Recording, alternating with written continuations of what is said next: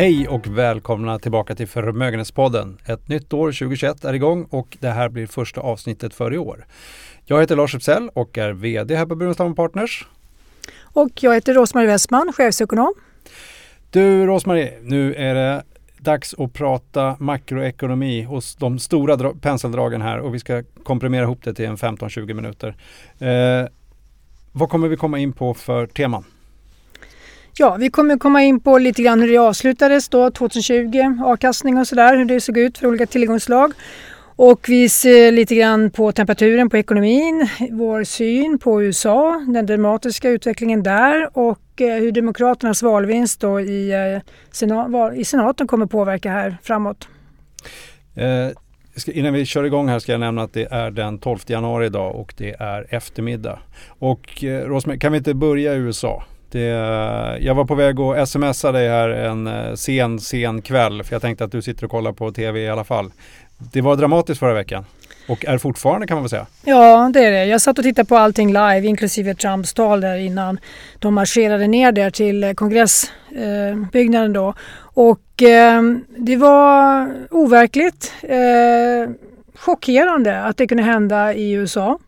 Eh, inte så förvånande egentligen med tanke på hur det låtit nu i fyra år och eh, det som har hänt det senaste är ju att man har då byggt allting kring att det här har varit ett val, ett presidentval som har varit eh, byggt på fusk helt enkelt. Då.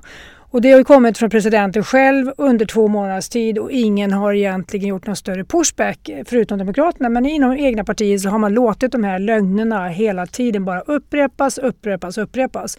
Så det har ju blivit en majoritet av demokratiska väljarna som verkligen tror på det här.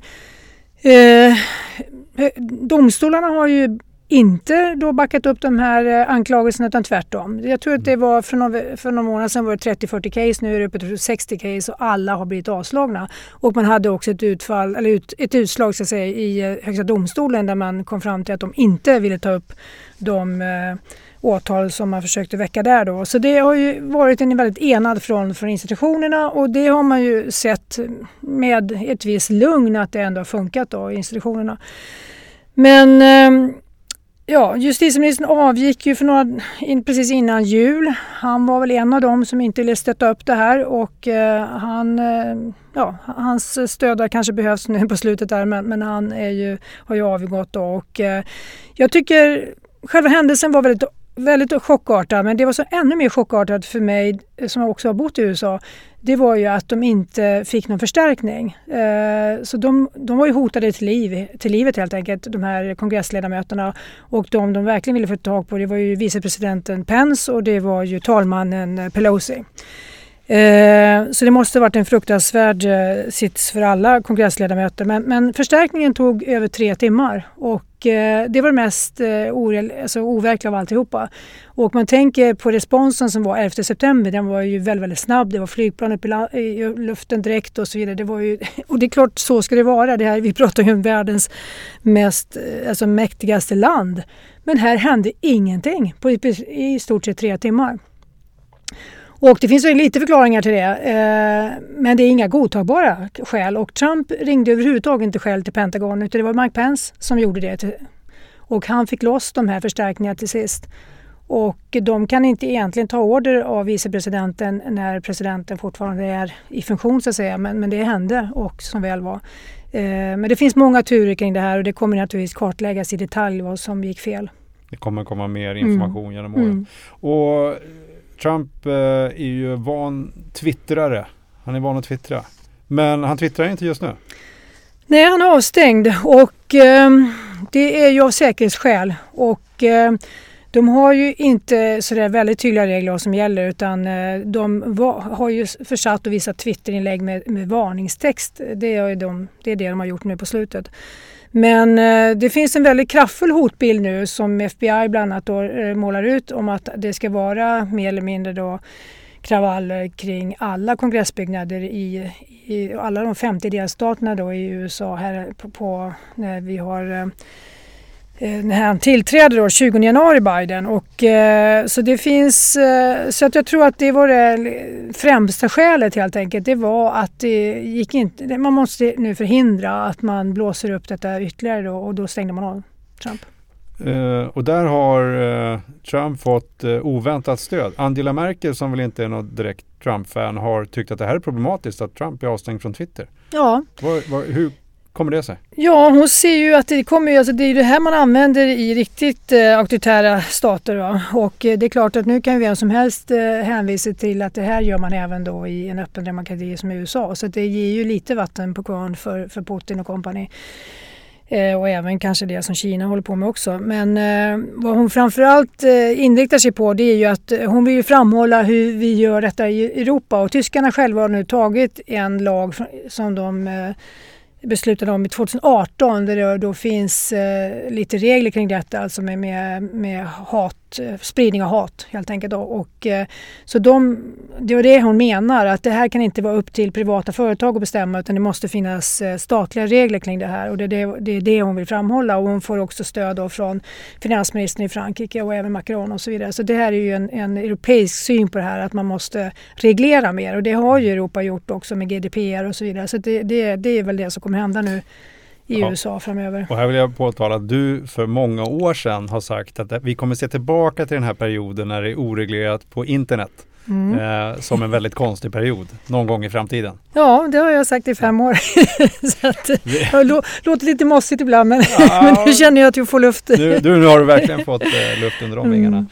Du, vi, vi lämnar det valet och så tittar vi på vi, vi, vi byter tema helt. Vi mm. hoppar in i 2020. Vad, om vi blickar tillbaka nu på året som var. Det var det är ett pandemiår och, och, väldigt många vill glömma det. Men, men innan vi ska glömma allt eh, runt 2020 så, så vill vi ändå blicka tillbaka. Mm. Ja, om vi bara går till den sista månaden i december så var det en stark månad och det var inte lika stort uppgång då eh, som det var under november som var helt, det var ju 11, 12, 13 procent. Men eh, hur som helst, det var många lokala marknader som stängde 4-5 procent upp, eh, bland annat Nasdaq som stängde 6 procent upp och eh, årstalen för Nasdaq blev ju lokala valutor i dollar blev 44 procent. Och det blev då mindre i svenska kronor för vi hade också en väldigt stark eh, kronförstärkning då på 12, över 12 procent förra året. Ehm, men eh, så de, den, det här draget i techbolagen, ehm, olika sektorerna, att energi gick dåligt till exempel. Alla de trenderna var intakta kan man säga när man stängde året. Och vi har börjat ungefär året på lik, likadant. Ehm, mycket bygger ju på att vi får ett vaccin så att det finns ju en förhoppning om en bred uppgång i år. Ehm, men det är också kanske det som är lite akilleshälen här nu att förväntningarna är väldigt höga då i marknaden.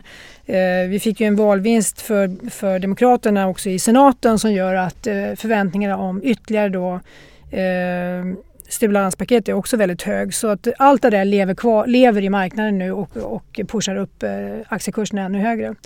Eh, vi hade också hedgefonder som ska, kan nämnas som var upp då 10% förra året och det är en bra avkastning. Eh, det har vi inte sett på ett tag då från hedgefondernas sida. Eh, man fick ungefär 8 för, på amerikanska statspapper. Det är ju också högt och eh, Dow Jones då som är den här representerar den gamla ekonomin eh, med banker och annat, eh, energi och så vidare. Det gick ju upp då knappt 8 Så, så såg det ut och, och Stockholm var ju upp starkt 13 ja. Du, vi såg eh, liksom när det blåste till här i mars-april och pandemin togs på allvar på något sätt eh, så gick det otroligt fort. Det var snabbare rörelser på de finansiella marknaderna än vi någonsin har sett tidigare. Eh, och sen har det tagit sig tillbaka under året och vi slutar på all time high eh, på många marknader. Vad, vad beror det här Är det liksom de här eh, mer passiva pengar? Har du någon teori om eh, vad det är som gör att de här rörelserna blir så otroligt snabba de här sista gångerna vi har haft turbulens? Det var även i slutet av 2018 hade vi otroligt snabba rörelser. Jag tror själva orsaken till att marknaden gick ner var ju stängningen av ekonomierna och den var ju i sig själv väldigt stark. Det gick ju från en dag till nästa så skulle allting stängas ner och det var ju olika grader då i Europa men, men om vi tittar i södra Europa så var det ju väldigt drakoniska eh, eh, åtgärder och det var det även då i New York och, och andra delar också för den delen i England och, och vi hade ju vår beskärda del även i Sverige även om det då var mycket mindre här. Eh, så det är väl, alltså en vanlig lågkonjunktur den tar ju tid att utveckla sig och därför får man då ett långsammare förlopp. Nu gick ju allting blixtsnabbt från en dag till nästa och det avspeglades då i marknaderna. Så vi var ner 30 procent på lite drygt tre veckor tror jag det var. Mm. Så det var rekordsnabbt. Och sen har vi ju haft den här uppgången som kanske tar fyra fem år efter en lågkonjunktur. Om vi nu tittar på vad som hände efter 2008 så har ju det tagit då mindre än ett år. Så det är ju lika snabbt på uppsidan då. Väldigt overkligt ja. snabbt.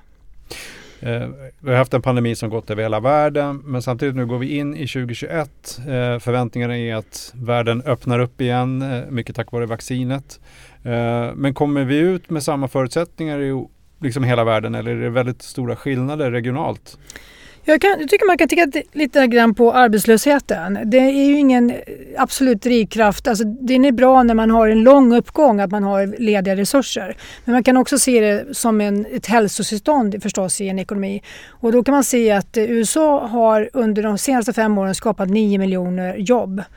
De har ungefär 150 miljoner eh, sysselsatta, lite drygt då. Så att eh, det har varit en jobbtillväxt på 6% på fem år. De jobben är borta, allihop. Det är 9, 9 miljoner fort, mm, jobb fortfarande borta i amerikanska ekonomin. Och det har varit betydligt större siffror förstås under våren. Ehm, så det är ett utgångsläge som är ganska tufft och, och den hänger ihop med deras sociala modell. Det, jobbsäkerheten är ju nästan obefintlig. Ehm, många får ju sparken direkt så fort det viker då efterfrågan och, och det är det vi ser. I Europa så är motsvarande eh, matematik då också att de hade en jobbtillväxt ungefär på 6% men där har då 40% av jobben försvunnit. Så mycket, mycket mindre, alltså mindre än hälften. Och sen tittar vi på Sverige, då är 17% av svenska jobben borta. Eh, så det är en ganska bra spegling tycker jag av hur det ser ut. Dels hur stor effekten har varit på ekonomierna och dels den här sociala modellen. Då. Men den skillnaden mellan USA och Europa Eh, betydligt mindre bortfall av jobb då i Europa. Är det det man på fint sätt kunde säga att det är en mer dynamisk arbetsmarknad i USA? Eh, på ett annat sätt skulle man säga att arbetstry- eller, säga, tryggheten i anställningstryggheten är mycket sämre i USA. Mm. Är det mm. det som är orsaken?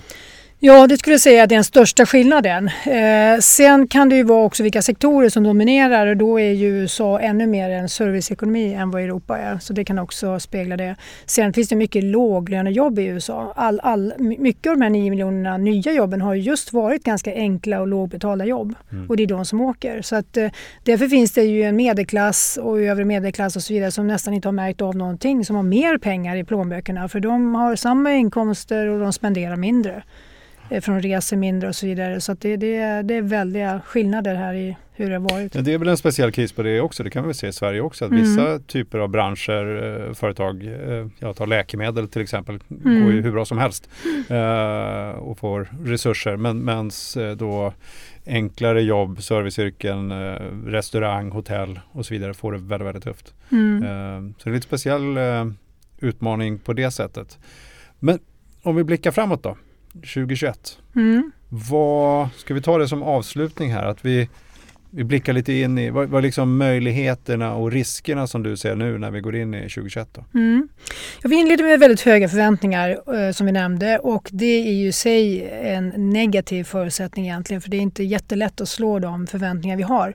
Men eh, vi kan bara konstatera att det här med, med ökad spridning som vi ser nu som belastar sjukvården oerhört i Europa och även i USA. Vi, vi sitter på samma pottkant kan vi säga, alltså rent spridningsmässigt. Och England kanske är allra värst utsatta för de har ju en variant där då, en, en eh, pandemi, alltså virusvariant som sprider sig snabbare än någon, någon annan. Mer smittsam, ja. Precis, mm. och man har ju också hittat en ny nu i Japan och vi har en variant i bland annat Sydafrika. Och vi har varianter överallt men, men det finns ju de som, som utvecklar sig på ett särskilt negativt sätt om de blir mer smittsamma. Så den, den smittorisken är ju väldigt stor både i USA tycker jag och Europa att den här vi har i England kommer sprida sig. Eh, för så pass öppet är det. Vi, vi släpper fortfarande in de som återvänder från England, eh, de medborgare, svenska, det kan vara Spanien, tyskar, alltså de, de sprider ju förmodligen det här, det här som är i England då, och likaså för USAs del. Så det är väl en riskfaktor här och sen går det väl kanske lite långsammare än man trott med vaccin, vaccinationen lite logistikproblem och det kan ju snabbas upp. Eh, snabbast tror jag faktiskt England är nu. Eh, de räknar med att ha kanske en tredjedel av befolkningen nu vaccinerade inom några månader. Så. Eh, så då skulle de kunna hålla tidtabellen att de flesta är vaccinerade i juni och det säger man även i Sverige. Och det är väl det bästa vi kan hoppas på tror jag. Det är att allting har fungerat med vaccinationen fram till september. Inte allt men alltså merparten så man får den här flockimmuniteten då. Och, eh, men då bygger den ju på att man har täckt upp och fått ordning på saker och ting så att det inte finns någon ytterligare ny variant som kräver ett helt nytt vaccin för då får vi fördröjningar på detta. Vi får hoppas att det håller. Men du, en, en mm. sista fråga då. då. Det liksom känns som det är en utbredd bild av att centralbankerna ska hålla börserna uppe eller till och med trycka upp dem ytterligare. Mm. Är det en mm. allmän utbredd eh, uppfattning tror du? Ja det tycker jag att det är för att många, det är en sak att hejda börsfall, det är ju viktigt för att det inte ska få någon spridningseffekt men nu har vi en annan situation där man trycker mer eller mindre upp börserna. Vi hade centralbankschefen Powell då i USA som sa att det inte var övervärderat. Och det finns ju de som hävdar att det är inte övervärderat om man tittar på de låga räntorna. Men vi kan ju inte se låga räntorna som helt permanenta utan de har ju sitt eget liv som bygger på inflationsförväntningar. Många tror ju att att centralbankerna har ett hemligt vapen där de kan styra även de långa räntorna. Och det kan de göra med aggressiva köp men inte hur länge som helst. Så jag skulle vilja flagga för den risken för 2021. Det är de långa räntorna i USA. Vi har sett en, en lite eh, i början på det här året, nu de första 10-11 dagarna här, så har den tioåriga räntan gått upp. Då. Den bröt ungefär, ja, den låg kring 1 och nu ligger den på 1,16 här idag. Så vi har alltså drygt 20 punkter då eh, och går vi tillbaka ännu längre så var det 0,9. Så det, är alltså en kvarts procentenhet. Det kan tyckas lite. Alltså tittar man på privatekonomin spelar det absolut ingen roll. Men jag tror på det stora hela så är den uppgången, om vi skulle se en uppgång till 1,50 det, och vi går igenom 1,50 då är vi tillbaka i, ett, i, ett, i en breddband, eller bandbredd på att säga, däremellan, där vi snart kan få en osäkerhet om utvecklingen för att vi var ju på 1,90 innan det här började. Och bryter vi då 1,50 då är liksom vägen öppen till nästa nivå, det är 1,90 och då tror jag vi får lite mer osäkerhet kring var de här räntorna egentligen är på väg. Och många försöker ju varna för att det blir en kortsiktig eh, återinflation, alltså inflationen kommer tillbaka temporärt helt enkelt. Och det varnar centralbankerna för att det ska man inte bry sig om och de har flaggat att de heller ska inte bry sig om det.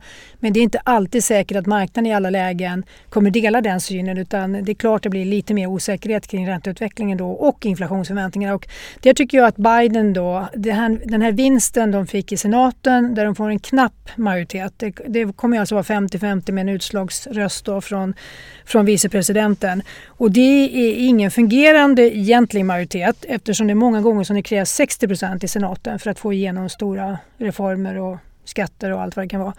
Eh, men man uppfattar det ändå som att det finns en större möjlighet för dem att få, i, få igenom ännu större då, eh, stimulanspaket och eh, då kan vi få en situation där där förväntningarna liksom blåses upp som tar med sig även inflationsförväntningarna. Men samtidigt om med de ökande statsskulder som nu är eh, till följd av pandemin och de stödpaket man kommer ut med. Är det inte så att ränte styr, som styrningsinstrument är otroligt starkt nu med den stora skuldsättningen som är. Alltså mm. höga räntor klarar väl inte länderna av längre?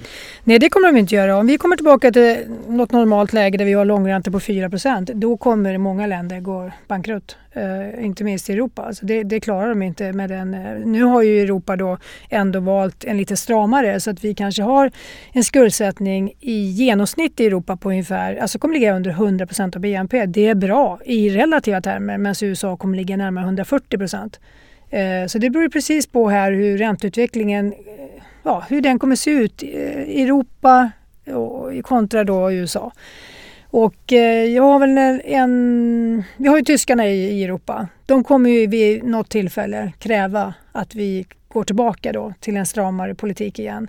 I, det är inte lika lätt att se i USA för nu har vi fyra år med Demokraterna och eh, Republikanerna blir ju alltid lite mer sparsamma när det är Demokraterna som har makten. Så, så nu kommer de hävda då att det är antagligen inte lika lika positivt då att spendera men jag tror inte jag, jag kan inte se att de eh, lägger på sig den eh, begränsningen. Utan nu har de släppt den här med disciplinen för länge sedan. Alltså det var länge sedan det var något viktigt att hålla i statsfinanserna i USA.